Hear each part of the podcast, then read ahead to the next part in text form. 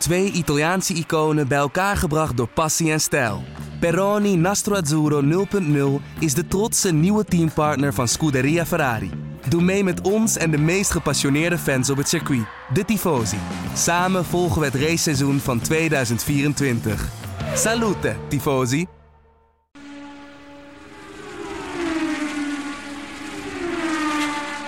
Welkom bij de Formule 1-podcast van NuSport.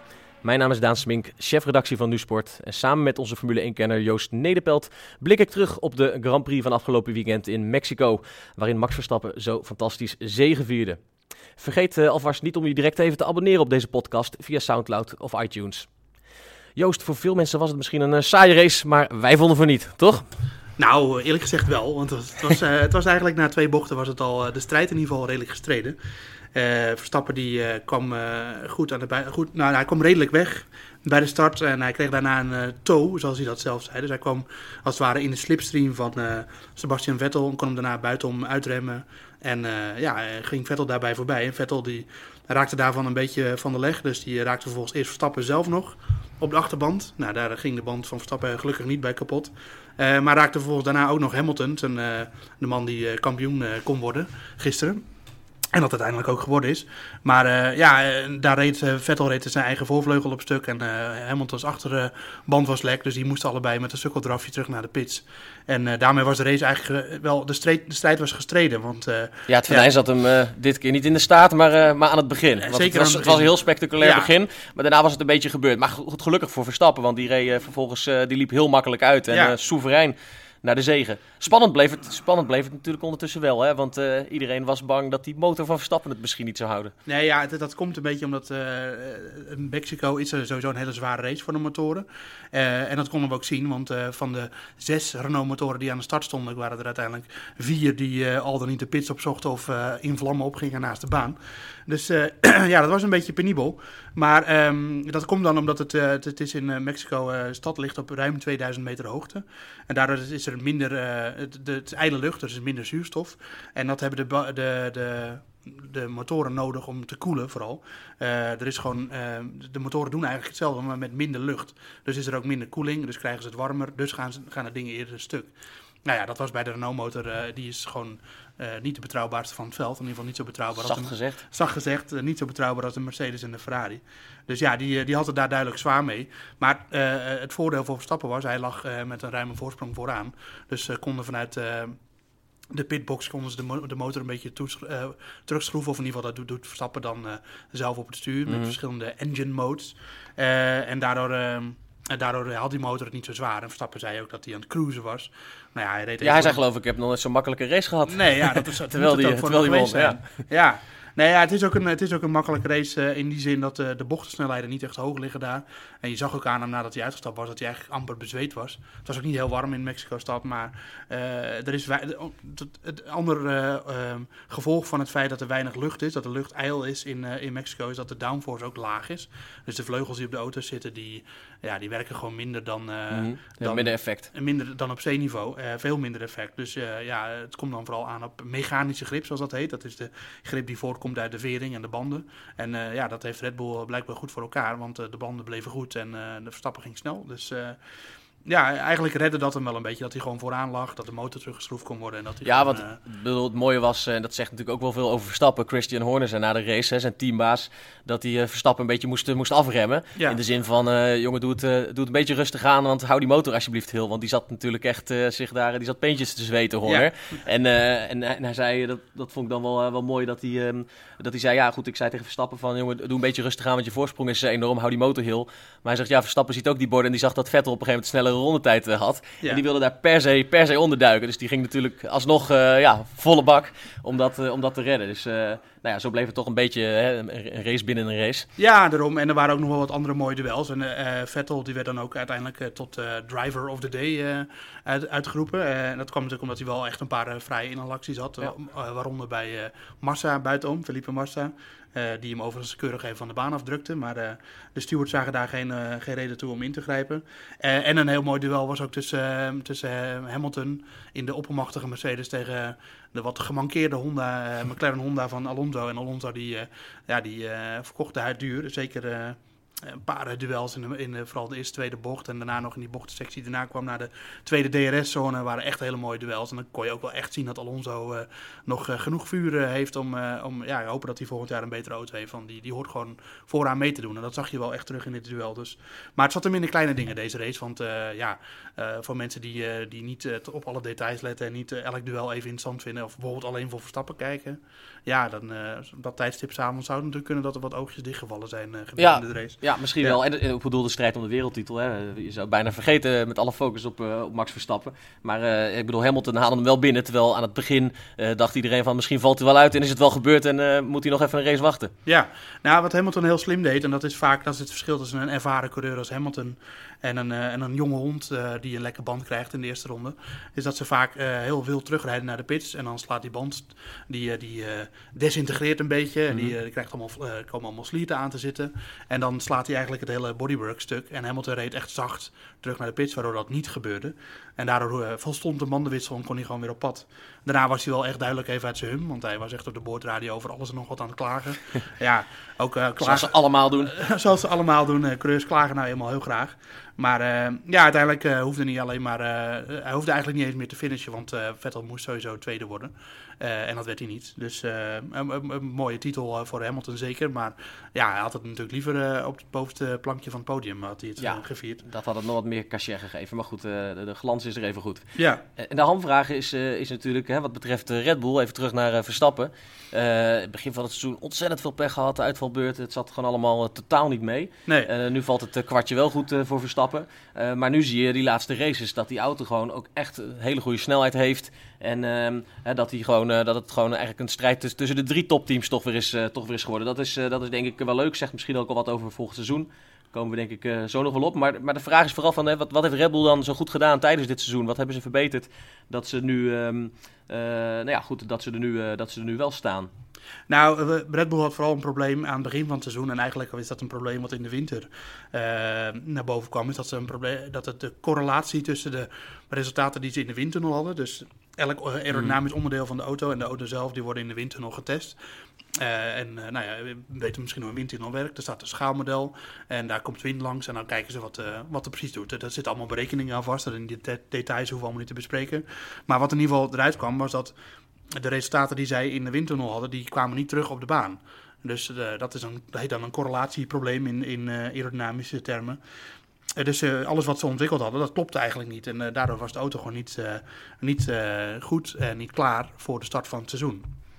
Daar hebben ze best lang uh, problemen mee gehad. Nou, daar kwam nog eens bij dat ze toch wel rijden met uh, nou, de eerder benoemde fragiele Renault-motor. Nou, die, uh, die, liet het een paar keer gewoon echt af. Die is natuurlijk nog steeds fragiel, hè? Het is eigenlijk nog steeds fragiel. Maar ja, wat, ja. om daarop in te haken, het mooie is natuurlijk wel dat, ik bedoel, heel lullig voor Ricciardo, wat gewoon een hele goede coureur en een sympathieke ja. vent is. Maar die krijgt nu zijn portie pech eigenlijk. een beetje meer in de laatste races, wat Verstappen eerder had. Dus het voordeel is daarvan wel dat die complottheorieën dan ook getackeld worden. Hè? Wat toen Verstappen elke keer uitviel viel. Toen kwamen, je, kwamen er allemaal rare verhalen naar boven van ja, Verstappen die heeft, uh, of het ligt aan zijn rijstijl, of uh, hij krijgt gewoon een mindere motor dan, uh, dan ja. Ricciardo. Nou ja, nu, en nu blijkt wel dat dat niet het geval is. Die Renault motor is gewoon ja, in zijn algemeenheid onbetrouwbaar, welke coureur er ook mee rijdt. Er stonden er gisteren vier naast de baan, dus dat zegt eigenlijk al genoeg. En waarom het nu bij Verstappen dan nee, allemaal heel blijft, nou ja, dat wat ik al zei, hij kon echt cruisen, dus hij hoefde hem niet maximaal te belasten. Um, nou ja, in verdere, verdere zin waarom die, die auto echt gewoon stappen heeft gemaakt, is dat Adrian Newey, dat is de hoofdontwerper van Red Bull. Uh, nou ja, het was een beetje onduidelijk wat hij nou uiteindelijk de afgelopen twee jaar echt bijgedragen heeft aan de auto. Want die had heel veel zijprojecten. Maar hij is nu is hij in ieder geval weer uh, full speed zit hij op de, op de uh, ontwikkeling van de auto. En dat merk je gelijk. En dan, ja goed, dat kun je natuurlijk doen, nooit 100% of dat nou zo is. Maar het is die, wel heel toevallig. Die indruk uh, Ja, hij, is, is hij bemoeit zich er weer volop mee. En die auto gaat ineens een stuk beter. En vooral wat, ja, wat echt knap is, dat hij in de race is ook gewoon heel goed is, die auto. En dat combineer je dan met de fantastische manier waarop Verstappen zijn banden kan bewaren. Want het, daar had hij gisteren natuurlijk ook weer geen enkele moeite mee om, om de banden goed te houden. En dan heb je in, in ieder geval in de race heb je gewoon een hele sterke combinatie. En, uh, en daarom is Verstappen nu gewoon, de, ook in de laatste twee races, een kandidaat voor de winst. Dus, ja, het begint al te wennen, hè? want zo zaten we gisteren, tenminste ik wel ook een beetje voor de buis. Ja, hij reed aan kop en, en hij ging, ging weer winnen, alsof hij al voor de tiende keer wint, terwijl het zijn derde pas, pas was. Maar zo gaat het natuurlijk wel, hè? De, de, de mensen gaan steeds meer verwachten. En nou, ik wil niet zeggen dat het al helemaal gewoon is. Het is natuurlijk even goed ongekend knap hoe hij gisteren won en dat hij zo geconcentreerd bleef. Alleen de vraag is vooral van wat zegt het over volgend seizoen? Ja. Dit, dat is het interessante, denk ik, als je kijkt naar, naar het nieuwe jaar. Er staan geloof ik geen grote regelwijzigingen op stapel. De Halo komt er natuurlijk uh, wel bij. Ja, die cockpitbescherming. Uh, precies, maar ja, het zou heel mooi zijn als je volgend seizoen gewoon een strijd vanaf het begin krijgt uh, tussen, tussen de drie topteams. Hè? Mercedes, Ferrari en Red Bull. Dat, ja, daar lijkt het nu wel al een beetje op te wijzen, toch? Nou ja, ze zijn nu heel erg aan elkaar gewaagd. Mercedes heeft op bepaalde circuits echt de sterkste auto. Maar op bepaalde circuits hebben ze ook echt problemen. En dat zei Hamilton ook. dit is echt een circuit waar we, waar we niet goed uit de verf komen. Nou ja, is dat natuurlijk altijd nog relatief. Want Hamilton kwalificeerde zich even nog als derde. Maar dat hadden ze dit jaar eerder in Singapore en dat hadden ze in Hongarije. En er zijn wel een paar banen waar Mercedes het gewoon uh, lastig heeft. En dat zijn, dat zijn er meer dan de afgelopen twee jaar waarin ze echt uh, het veld domineerden. Of de afgelopen drie jaar eigenlijk. Dus mm Mercedes is relatief iets minder geworden, dat moeten we wel gewoon stellen. Uh, Des te dus... knapper dus hoe Hamilton uh, toch ja. ogenschijnlijk uh, in de tweede seizoen zelf erbovenuit stak. want als we nog even kijken naar die titelstrijd tussen Vettel en Hamilton. Uh, Vettel stond halverwege het seizoen bovenaan en veel mensen dachten toen, nou die gaat gewoon richting zijn titel. Ja. Die heeft ook wel Porsche pech gehad. Echt wel een Porsche pech, ja. pech gehad. Ja. ja, maar goed, uiteindelijk heeft Hamilton ook gewoon uitstekend gepresteerd. Zeker ook in de kwalificaties. Ja, ja, ja maar dat, is, dat is zijn kracht natuurlijk. Hij, in, in de Formule 1 is het gewoon heel belangrijk, dat, dat heet dan in het Engels track position. waar lig je op de baan en dat, dat biedt voordelen of nadelen. Maar als je aan de leiding ligt, dan biedt dat gewoon heel veel voordelen. Want je, je hebt het initiatief met, met uh, pitstopstrategieën. Je, je rijdt altijd in schone lucht, hè, dus je kan altijd wegrijden. Mm. Dus pole is gewoon heel belangrijk. En Hamilton hamert gewoon, of die, die, die, die, die, die tikt ze gewoon altijd binnen, die pole positions. Hij heeft er dit seizoen ook weer een hele gepakt. En dat, dat geeft hem gewoon al een, een beginvoordeel. En dan is het echt niet zo dat de Mercedes in de, in de race altijd de snelste auto is. Uh, ook niet de langzaamste natuurlijk, maar dat, als het, dat hoeft dan niet per se. Als het op details aankomt en je hebt net dat voordeel dat je gewoon als eerste uh, de race in gaat, ja, dan dat, dat werkt gewoon heel erg goed voor, voor, voor Hamilton altijd. En daar heeft hij dit zo'n veel voordeel van gehad. Uh, het is natuurlijk wel zo dat, uh, dat Mercedes die problemen, dat ze op bepaalde circuits niet goed zijn, wel moeten gaan oplossen voor volgend seizoen. Ja. Want uh, de concurrentie zit ook niet stil. Ja, je ziet dat zeker Red Bull niet stil zit. En Ferrari nee. zal, zal er nu ook alles aan gelegen zijn volgend seizoen wel die titel te pakken. Want ja. die verwachtingen zijn daar altijd hoog gespannen. En dit ja. jaar leken ze, leken ze weer op de goede weg. Maar Helaas nou ja, greep, greep, Vettel mis. Trouwens wel over Vettel, dat, dat is dan, vond ik nog wel chic. Uh, Vettel krijgt natuurlijk vaak veel kritiek, zeker in Nederland, uh, ja. dat het een slechte verliezer is. Maar hij zei wel uh, netjes, nou Hamilton, terechte wereldkampioen, hij heeft het gewoon verdiend en hij feliciteerde hem. Ik bedoel, dat mag, dat, mag, dat mag ook gezegd. Tegelijkertijd dacht ik, ja, maar Vettel zit zich natuurlijk wel op te vreten. Want die vraagt zich natuurlijk, denk ik, de komende week ook af van waar heb ik het zelf eigenlijk laten liggen. Nou ja, het is geen enkele coureur vindt het leuk voor een andere coureur dat hij wereldkampioen wordt. En dat, dat werd ook in de pers, Ze doen alsof, werd in de persconferentie werd dat ook nog gevraagd aan de, de drie mensen op het podium. En die zeiden alle drie van ja, het is leuk voor hem, maar ik ben niet blij voor hem of zo. Nee, nee eh, ik, ik, haat het dat ik niet wereldkampioen ben. Dus uh, ja, de, Vettel uh, die heeft gewoon wel best wel veel pech gehad. Maar hij heeft het ook een paar keer natuurlijk zelf laten liggen. Ja. Uh, Singapore, dat hij na de start van zijn lijn afweek heel erg sterk om, om, en tegen, tegen Verstappen aanreed. Dat was, ja, dat was, een, was een beetje ongelukkig. De meest besproken ja. crash van dit seizoen. Het was een beetje ongelukkig, maar, maar voor, voor, uh, voor Vettel, want hij kon Rijkoon niet zien. Maar goed, daar hoeven we niet heel veel meer over te hebben. En natuurlijk uh, dat hij in Baku tegen Hamilton aanreed. Ja, dat was, uh, was, het stond, onder oog, stond onder oogspanning. Het was gewoon stom en dat kostte hem uiteindelijk wel de overwinning. Is dat dus- ook wel een, waardoor Hamilton misschien die titel meer verdiende... of waardoor hij hem heeft binnengehaald ten het kosten van Vettel? Dat hij gewoon nog beter met de druk kan omgaan? Nou, hij was in ieder geval dit jaar mentaal heel sterk. En dat is echt niet altijd uh, een sterke kant. Nee, daar kreeg hij in het verleden juist uh, veel kritiek op. Hè? Dat hij uh, slechte verliezer was en dat hij dan ging ook nog wel eens dan zijn team op zijn flikker geven tussendoor openlijk. Ja was niet altijd handig, maar dat hebben we dit seizoen niet gezien. Nee, je ziet er af en toe nog wel sporen van. En dat zag je gisteren ook, dat hij natuurlijk heel erg loopt te, klagen over de radio. En zich heel zorgen maken over, over, de, over de auto het wel blijft doen. En problemen met de banden en zo. Het is, het is in de auto best een onzekere persoon af en toe. Alleen, ja, dat is het enige wat je hoort over de boordradio natuurlijk. En het is niet het mhm. totaalplaatje. Maar uh, nou ja, in ieder geval, het, het, is in ieder geval zo dat Vettel heeft dit seizoen gewoon een beetje een rommelig seizoen gereden. En ik denk niet alles uit de Ferrari gehaald wat erin zat. En uh, Hamilton heeft echt alles uit de Mercedes gehaald wat erin zat. Dat, zo kun je het eigenlijk wel samenvatten. Ja, nou, nu al zin in volgend seizoen. Maar laten we niet vergeten dat er nog twee races aankomen. Ja. En ja, wie weet gaat Verstappen dan gewoon nog één of twee keer op de hoogste treden van het podium staan. Kan echt. Het zijn helemaal geen of zijn circuits waar, waar, de Red Bull echt goed uit de voeten zou moeten kunnen. Want het lijkt er nu gewoon op dat het op elk circuit zo is. En ook het probleem met het gebrek aan vermogen lijkt lijkt eigenlijk best wel niet heel te zijn nu. Als je kijkt in, in Mexico-stad, daar is het rechtstuk 1200 meter, een van de langste van het seizoen. En dus een topsnelheidsnadeel zou je zeggen, maar dat viel eigenlijk heel erg mee. Dus, en dat was in Austin eigenlijk ook al geen probleem.